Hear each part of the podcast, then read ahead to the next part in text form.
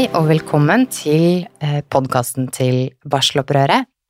Eh, Jeg heter Aida Leistad Thomassen. Jeg sitter her sammen med Lisa Eian Hei, hei.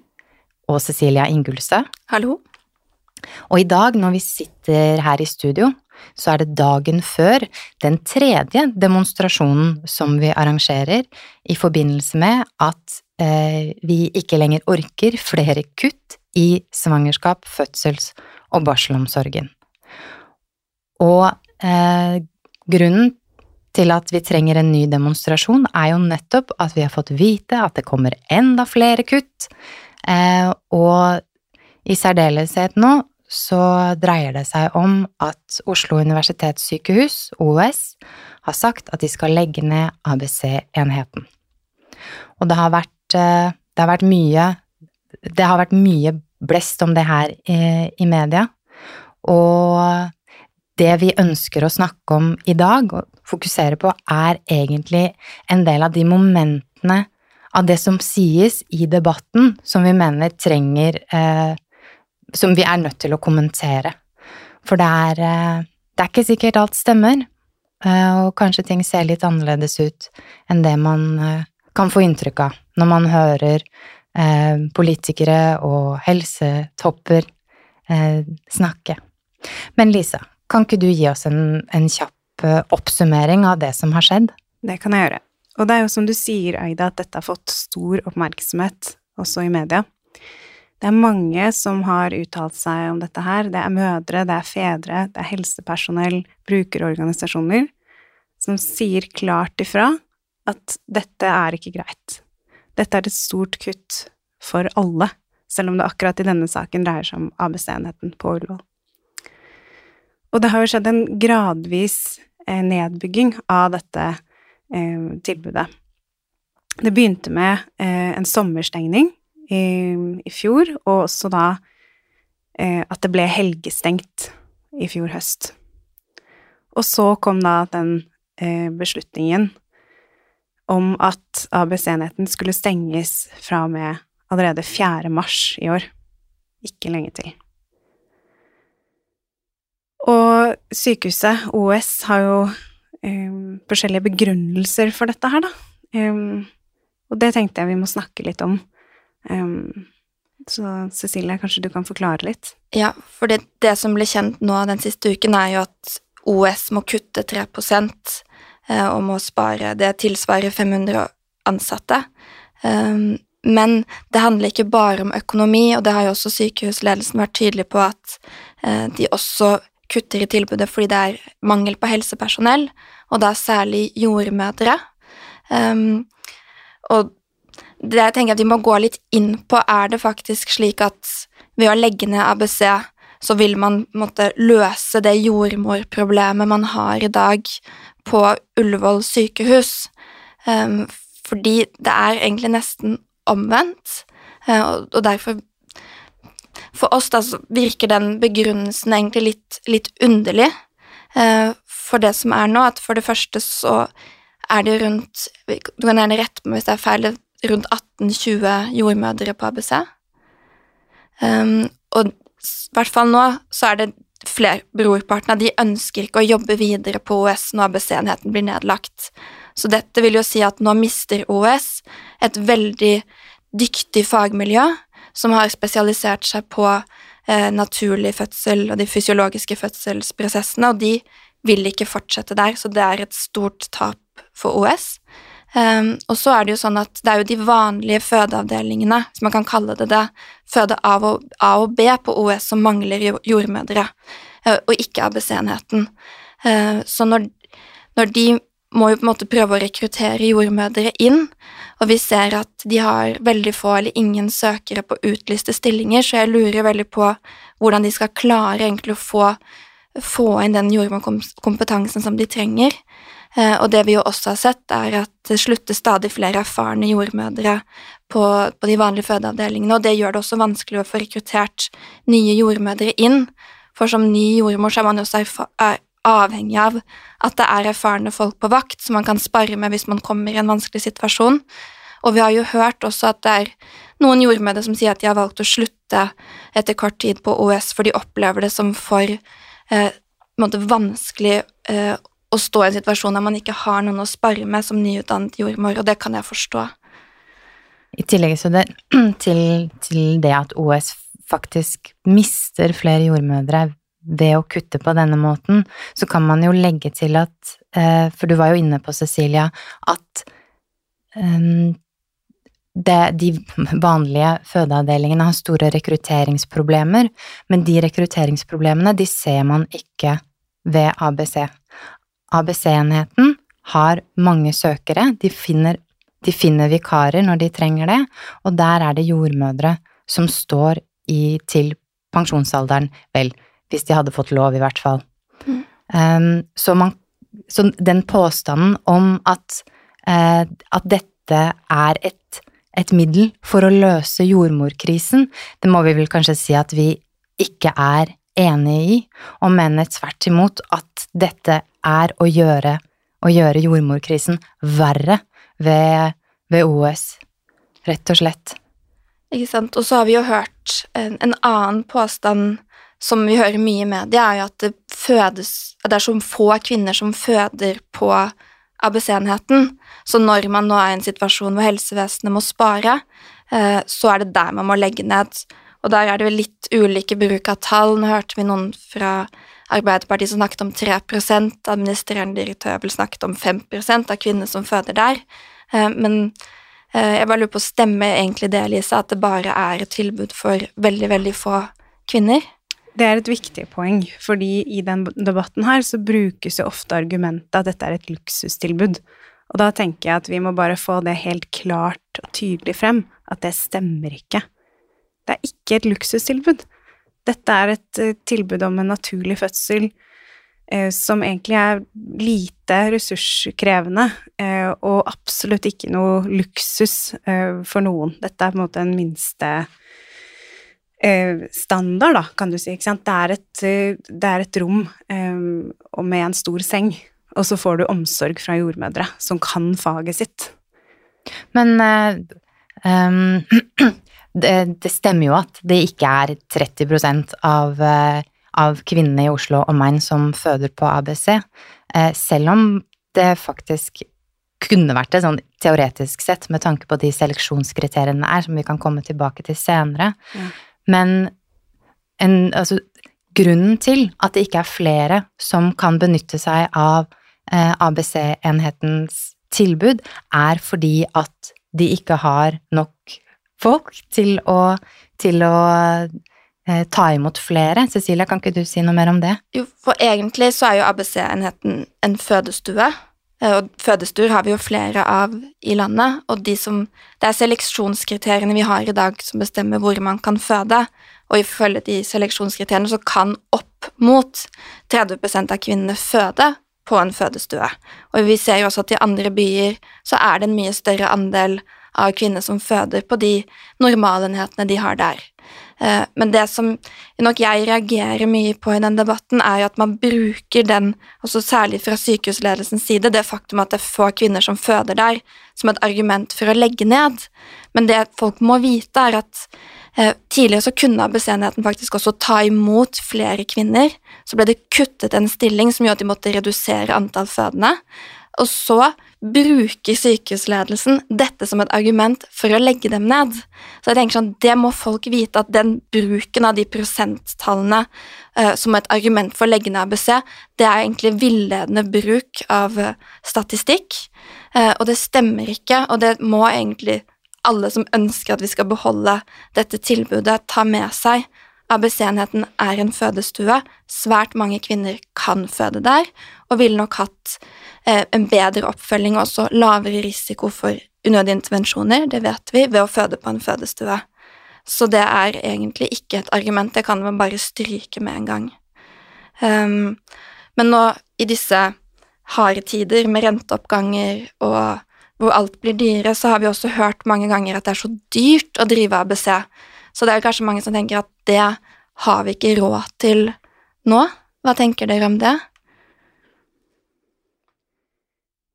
Det ble, en, ja. det ble en lang pause. Eh, Lisa, kjør. Det handler jo om eh, hvordan sykehusøkonomien er organisert. Det handler om finansieringsmodellen, uten at vi skal gå i detalj på den, for det, det trenger vi ikke å gjøre nå. Og det handler også om en oppdeling at omsorgen er oppdelt eh, og ansvaret er fordelt mellom sykehuset, helseforetaket og kommunen. Mm. Og, og eh, For det Ja. som, hvis jeg kan skyte inn, da, Ja, det, ja. som, det som er egentlig ganske eh, sprøtt når man, når man ser på fødselsomsorgen og finansieringen der, er at da er man plutselig inne i en sånn derre bakvendtland. Hvor det som ikke koster så mye, er dyrt, og det som koster mye, er eh, billig eller gir inntjening. Og vi trenger ikke å gå så veldig, veldig mye inn på det, men, men la oss bare tegne opp et bilde. Så det som koster mest, er hvis du har en jordmor til stede. Det er på en måte den, den dyreste fødselen i form av at den gir den minste inntjeningen. Hvis du derimot har en fødsel hvor du har liksom anestesilege, og du har kanskje fødselslege, og du må ha eh, flere helsepersonell inn, og her ble det mange komplikasjoner og mye blod, da er det en billigere fødsel. Eller en fødsel som gir bedre inntjening. Så det å si at, um, at uh, ABC-enheten er en ekstra dyr enhet, er på en måte bare sant i en sånn bakvendtlandssituasjon. ja, i det systemet vi har, PT. I det, Mm. I det systemet så, Mm. så gir det mening, men bare vit at eh, Og det å ha jordmor hele tiden, det er et kvalitetskrav som alle kvinner skal ha i aktiv fødsel. Så det er ikke sånn at ABC-enheten egentlig gir noe mer enn det du skal ha på en vanlig fødestue. Det må også alle vite. Eh, og jeg bare vil bare egentlig skyte inn at det var jo en tilsynssak mot OS i 2019, og da sa jo sykehuset selv at de egentlig ikke klarte å ivareta de normalfødslene på en god måte. For det er jo også noen jordmor som jobber på OS har fortalt oss at de klarer de akuttsituasjonene, det er bemanning for det, men det er de, alle de andre fødslene hvor man hadde trengt ro og bare en tilstedeværende jordmor som blir skadelidende, og dette kommer ikke til å bli noe bedre nå. De kommer til å få enda mindre tid til den typen fødsler. Um, og det er bare, som Lisa var inne på, da, med at at svangerskaps-, og barselomsorgen er fordelt mellom sykehus og kommune, det er faktisk også viktig her, for man snakker mye om den liksom, finansieringen av sykehusene, men ABC-enheten må vite at det er også eh, tilbud om kontinuitet, vil si at man kan gå der i svangerskapet. Eh, og sånn som det er nå, at selv om det egentlig er en anbefaling, vi vet at det er bra for kvinner, det er tatt inn i også de nye nasjonalfaglige retningslinjene at vi skal ha en sammenhengende omsorg, så lønner sykehuset vil ikke ha svangerskapsoppfølgingen, for det er det kommunene som skal ta. Så det er også for dem egentlig en ekstra utgift. Så vi er jo her, sånn som Aida sa, et helt sånn absurd system hvor det som egentlig er bra for kvinner, det som forskning viser fungerer, og som jordmødre ønsker seg, det lønner seg ikke for sykehusene, for det er ikke lagt opp verken til at man skal ha den kontinuiteten eller ha den tiden i fødsel. Så, så dette, ja, Mm. dette er bare At det er dyrt eller ikke mulig, det viser bare hvor bakvendt systemet er, og hvor liksom virkelig på høy tid det er nå at vi gjør noe med organiseringen. Og der Mm. kan jeg jo legge til også at um, i sykehustalen så ble det jo uttalt fra helseministeren at um, hun ville at sykehusene skulle se på finansieringen og gjøre noe med dette her. Uh, og da fremsto det litt som at det var noe nytt, men det er jo noe Arbeiderpartiet også gikk til valg på. mm, Så det gjenstår jo å se i hvor stor grad og når mm. de begynner å se på dette her, da. Det vet vi jo ikke ennå, men eh, det håper vi jo virkelig at de gjør. Ja, og det, Og kan jeg bare Ja. skyte inn der? For det, det var fint at du tok opp det, Lisa, men det som er litt interessant, hvem er det som skal se på det? Det er sykehusene selv. Det er Mhm. sykehusene selv som skal se på sin egen finansieringsmåte. Så jeg tenker det er, det er kritikkverdig. Jeg tenker her, her burde det vært noen, eh, noen utenforstående som gikk inn og, og så på det her som en, som en mer nøytral eh, part, rett og slett. Men det, tenk bare legge til til slutt, så er det jo ikke sånn at sykehus De får jo en del gjennom den aktiviteten de har, og en del er jo basisbevilgninger. Og det er ingenting som hindrer sykehusene til å faktisk bruke en større andel av den basisbevilgningen i fødselsomsorgen, for de er faktisk forpliktet til å gi kvinner den omsorgen vi skal ha, og bemanne tilstrekkelig. Så det er heller ikke eh, noe de kan liksom bruke penger på hvis de føler at de har litt til overs. Så det er faktisk også viktig å vite. Det er rom eh, hos sykehusene, men spørsmålet er egentlig bare om de prioriterer det, om de ser verdien eh, av å investere her. Mm. Men um, det er jo um, Det er jo flere som sier at det, men det er jo det er egentlig ikke så farlig om, om vi legger ned ABC, fordi at uh, vi skal jo bare videreføre ideene og videreføre metodikken og videreføre liksom de gode, de gode greiene derfra i, i, den vanlige fødeavdelingen og i det nye, nye OS og, um, og sånn. Så altså, hva er, hva er problemet hva er problemet, liksom? Hæ? Lisa, eller Ja. Ja, jeg kan si litt om det. Og da er det jo litt viktig at vi bare etablerer at vi har per i dag, da, tre nivåer man kan føde på. Kvinneklinikk, fødeavdeling, som er den vanlige fødeavdelingen, eller den flest føder på, da, kan du si. Og så har du fødestue, som da ABC-enheten er. Og det de sier, er jo at man skal bringe med seg videre metodikken eller prinsippene fra ABC inn i den vanlige fødeavdelingen. Men da lurer vi jo vi på hva er det de mener med det? Mm. Hvilken metodikk, hvilke prinsipper?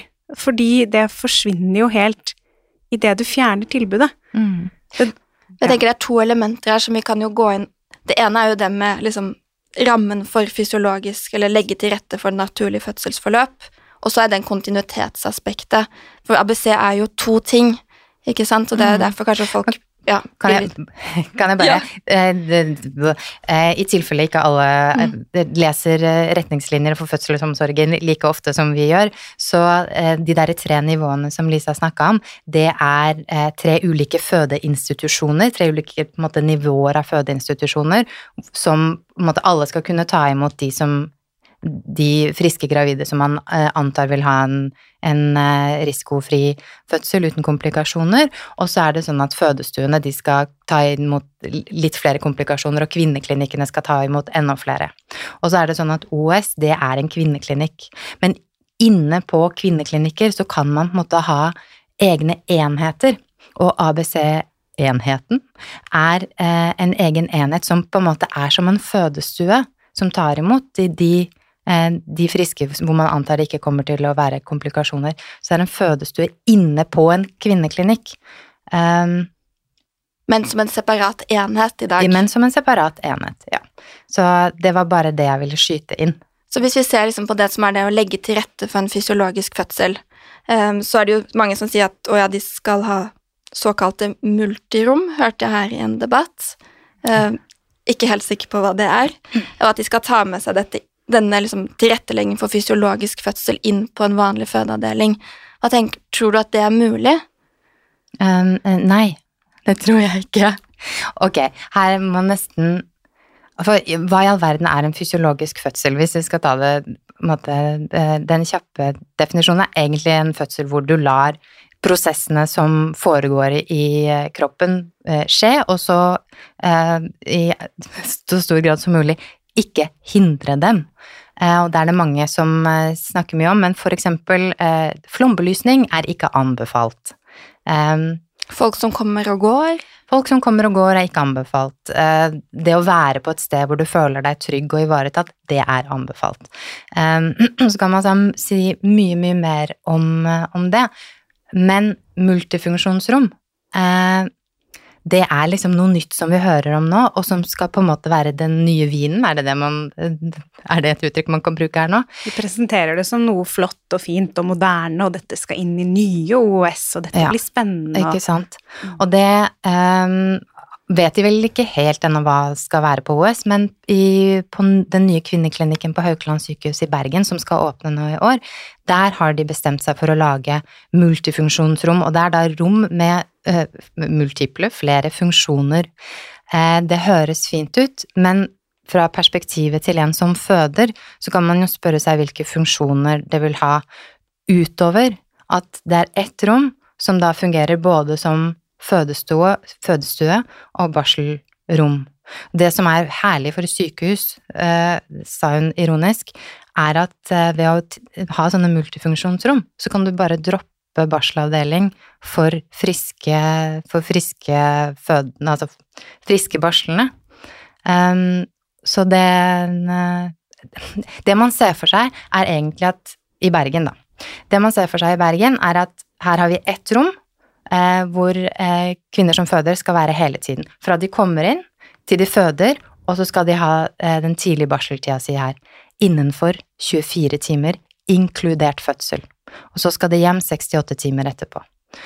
Eh, en annen ting vi hører om multifunksjonsrom, er at de er helt fantastiske, for her kan du ha masse maskiner, men som du skjuler lite grann, så du ser dem ikke så mye.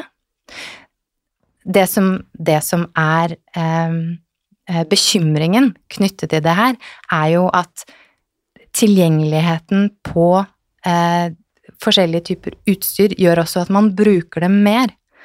Eh, så vi er jo kjempebekymra for at multifunksjonsrom egentlig skal Altså bidrar til at eh, flere får unødvendige medisinske inngrep under fødsel, sammenligna med om man hadde hatt, eh, hadde hatt fødestuer hvor man ikke hadde disse tingene så lett tilgjengelig.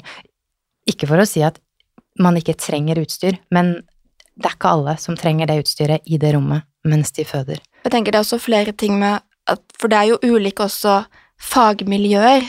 For det, for det er jo um, Det virker jo på en måte som folk kanskje ikke helt forstår. Det er noe annet å være en jordmor som har jobbet med å legge til rette for fysiologisk fødsel, sånn som de har gjort på ABC. Eh, og det handler også litt om hvordan man skal bruke ressursene, for det hører vi jo hele tiden, at man skal bruke ressursene på riktig måte.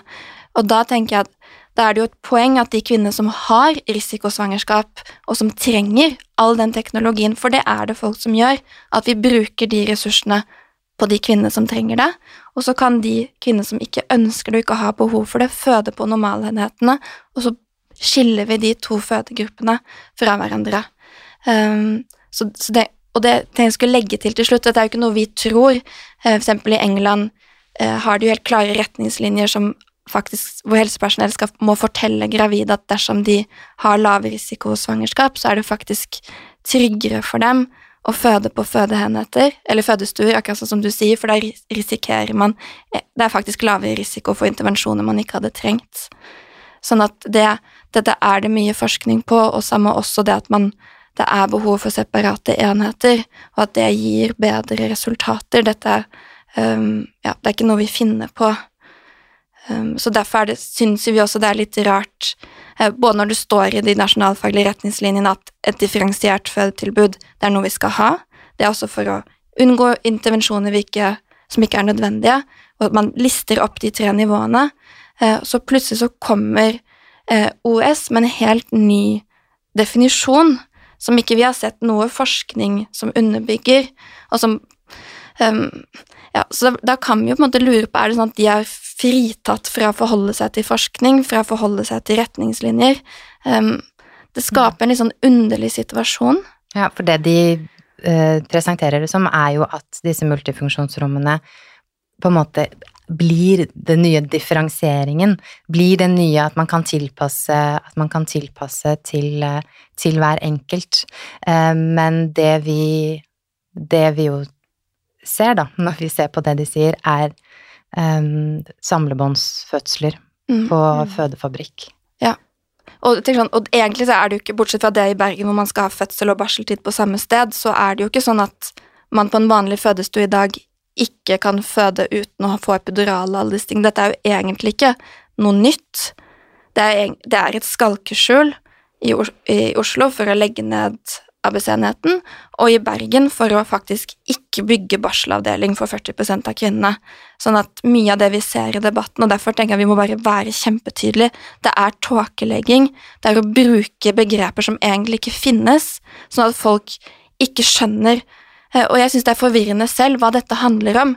Det det, det handler om, at OS vil legge ned fødestuen, da i strid med forskning og anbefalinger, eh, og lage noe som ikke finnes. Mm. hold for.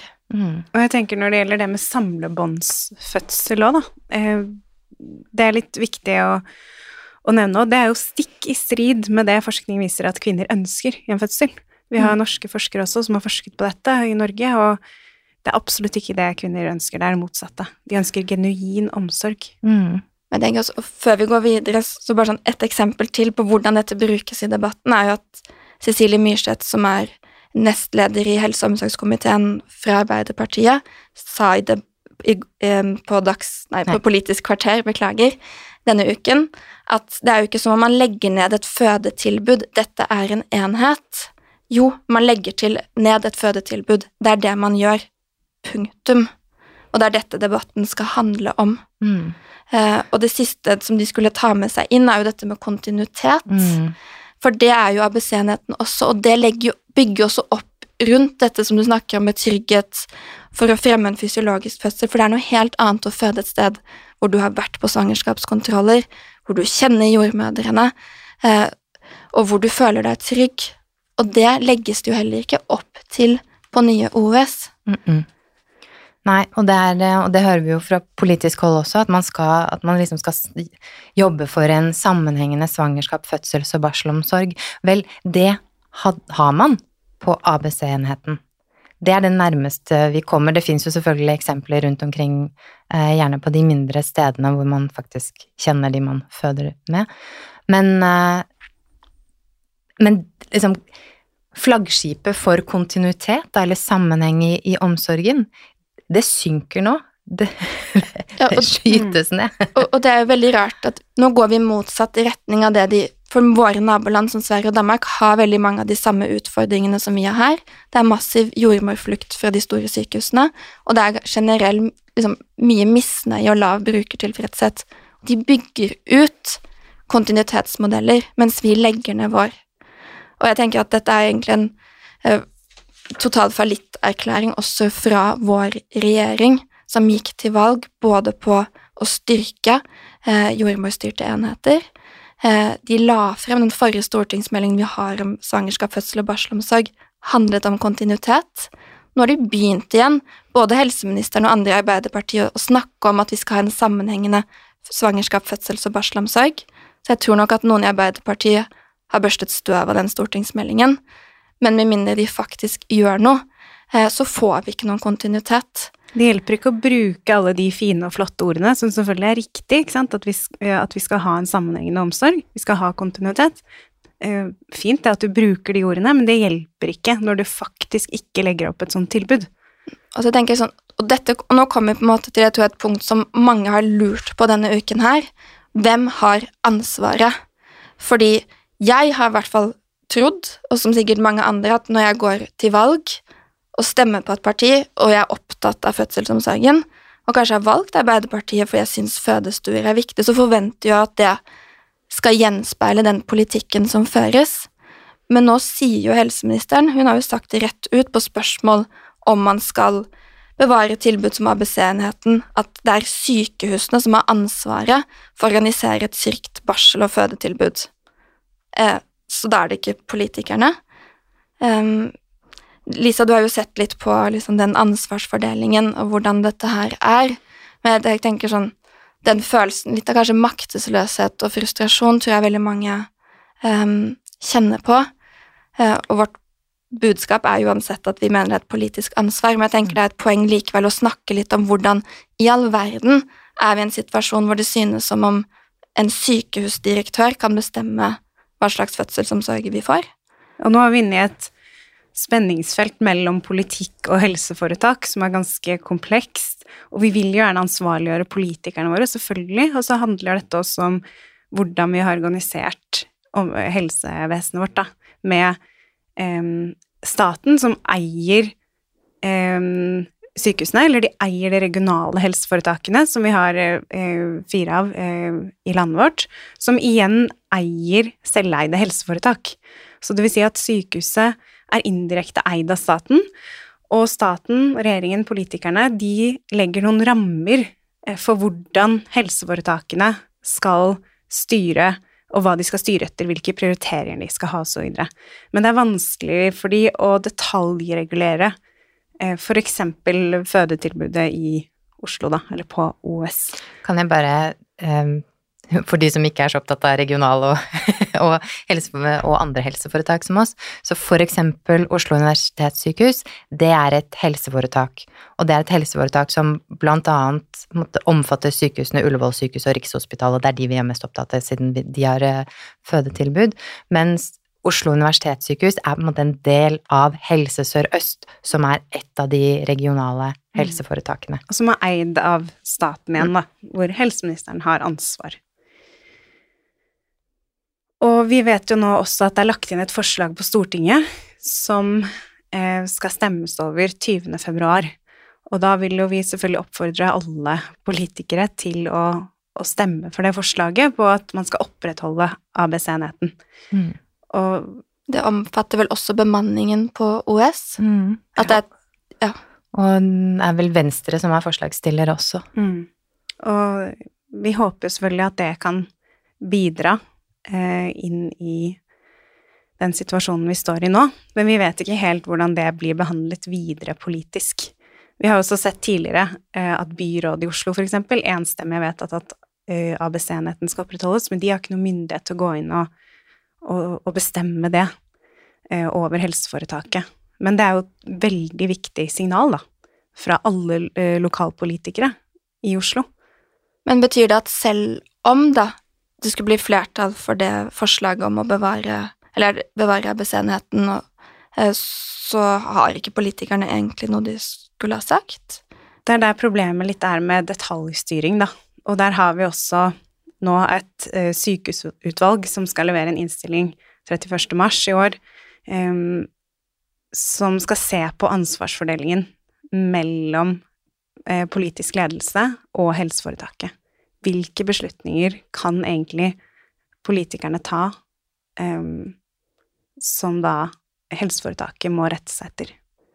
Men jeg fikk en litt sånn assosiasjon, og uten å trekke den for langt, for vi har jo eh, vi har jo en sentralbank, og før så var det jo sånn at politikerne kunne bestemme rentene, og så fjernet man det ansvaret, sånn at de ikke skulle bruke det for å liksom, trikse og mikse litt med det før man skulle gå til valg. Og det virker litt sånn for meg som man har lagd en slags sykehusstruktur hvor det er det samme at politikere sier jeg har egentlig ikke noen innflytelse, så da kan ingen egentlig bli sinte på meg for ting som gjøres som de ikke liker. For det er jo noen som har sånn, Noen har bestemt, noen, det er Arbeiderpartiet, som har vedtatt at vi skal ha helseforetak. Eh, så det er jo ikke en naturlov heller at sykehusene våre skal være organisert på den måten. Men det føles for meg som det egentlig er et veldig sånn effektivt tiltak mm. for partiene for å ikke måtte ta ansvaret for helse. For helse er jo noe folk er opptatt av, det angår mange. Um, så det kan jo hende at noe av intensjonen var jo at man skulle holde kostnadene nede, men vi ser jo at det fungerer ikke, og det er ikke bare fødselsomsorgen som lider, det er kronisk syke, det er psykiatri, eh, eldreomsorgen, det er veldig, veldig mange um, måte, områder som ikke er liksom klassifisert som lønnsomme, eller hvor ting tar tid, som lider under det systemet her. Så det er et liksom, opprør på gang, er det ikke det? Ja, virkelig. Mm. Virkelig. Jeg tror nå er folk eh, Folk har fått nok, rett og slett. Mm. Så jeg tenker liksom når vi møtes da det som er fredag 27. januar, er det jo liksom samme hvem som har ansvar i denne kabalen her, så er vi jo her for å si at dette er ikke bra nok. Eh, og dere må rydde opp. Mm. Og så håper vi jo at vi liksom etter hvert kan bli mange nok til at For jeg tror nok hvis politikerne kjenner at det brenner under føttene, så har de rom for å gjøre noe med mm. dette. Og nå tror jeg vi begynner å bli så mange at det kommer sånne skjelvinger i buksene. de må bare bli de riktige personene. Det er umulig å ikke høre det. ja, mm. absolutt. Jeg lurer på om vi skal runde av der, jeg. Ja.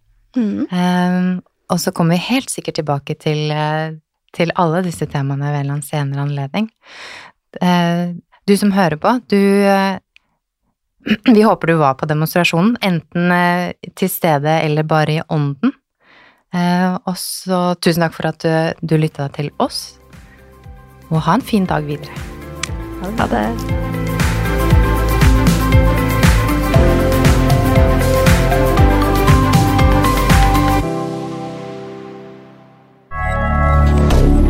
moderne media.